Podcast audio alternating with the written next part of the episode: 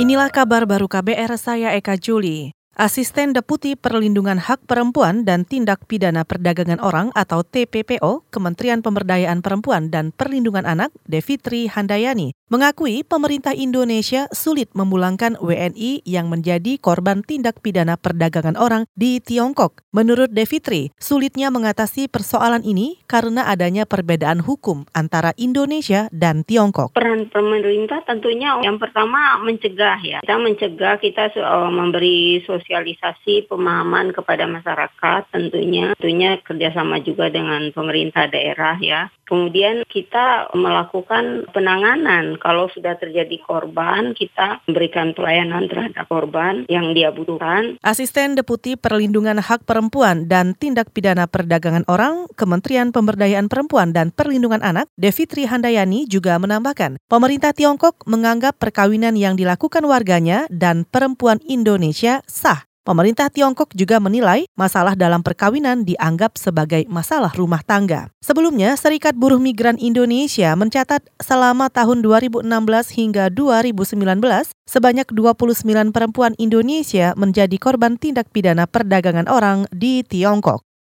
Saudara Komisioner Komisi Pemberantasan Korupsi atau KPK, Saud Situmorang, mengajak masyarakat untuk tidak menilai penyidik maupun pimpinan KPK dari jenggot maupun celana yang dikenakannya. Menurut Saud, penilaian terhadap penyidik berada di tingkah lakunya. Ya, jadi pertama kalau kita bicara negara kita, itu pertama ideologinya jelas harus memberantas korupsi, ya kan? Sengaja itu dengan Tuhan Anda, Anda aman. Para state kan sudah ideologi. Nama gedungnya aja merah putih. Garuda Pancasilanya aja paling gede ruangan mereka itu. Jadi datanglah dengan ide-ide itu. Komisioner KPK Saud Situmorang menambahkan, masyarakat yang ingin mendaftar sebagai calon pimpinan lembaga anti rasuah harus memiliki ideologi Pancasila sebagai warga negara Indonesia dan memiliki semangat anti korupsi. Sebelumnya, ramai perbincangan di media sosial yang mempersoalkan adanya paham radikal di lembaga anti rasuah itu karena sebagian penyidik berjenggot dan bercelana di atas mata kaki.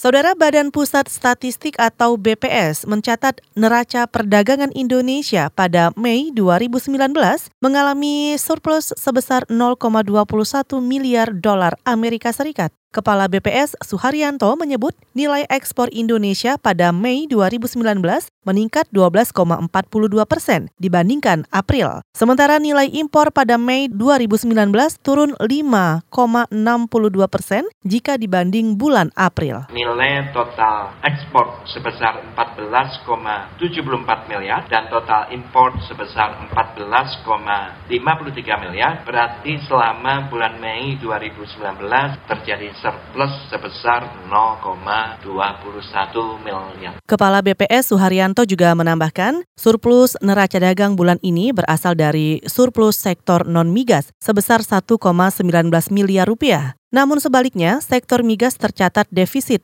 0,98 miliar dolar Amerika Serikat. Suharyanto menambahkan, surplus ini merupakan sinyal positif bagi perekonomian Indonesia. Meski begitu, ia menyatakan perang dagang dan faktor persoalan di dalam negeri masih harus diperbaiki demi meningkatkan pertumbuhan ekonomi.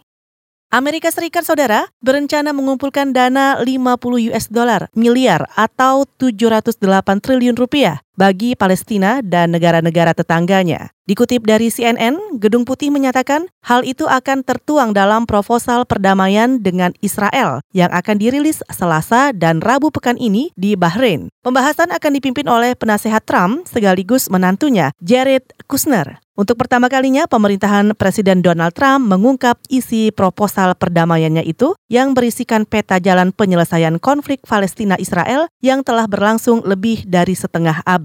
Dan proposal ini disebut memiliki kemampuan dasar untuk mengubah tepi barat dan jalur Gaza, serta membuka babak baru dalam sejarah Palestina yang didefinisikan bukan oleh kesulitan dan kehilangan, tapi dengan kebebasan dan martabat. Saudara, demikian kabar baru, saya Eka Juli.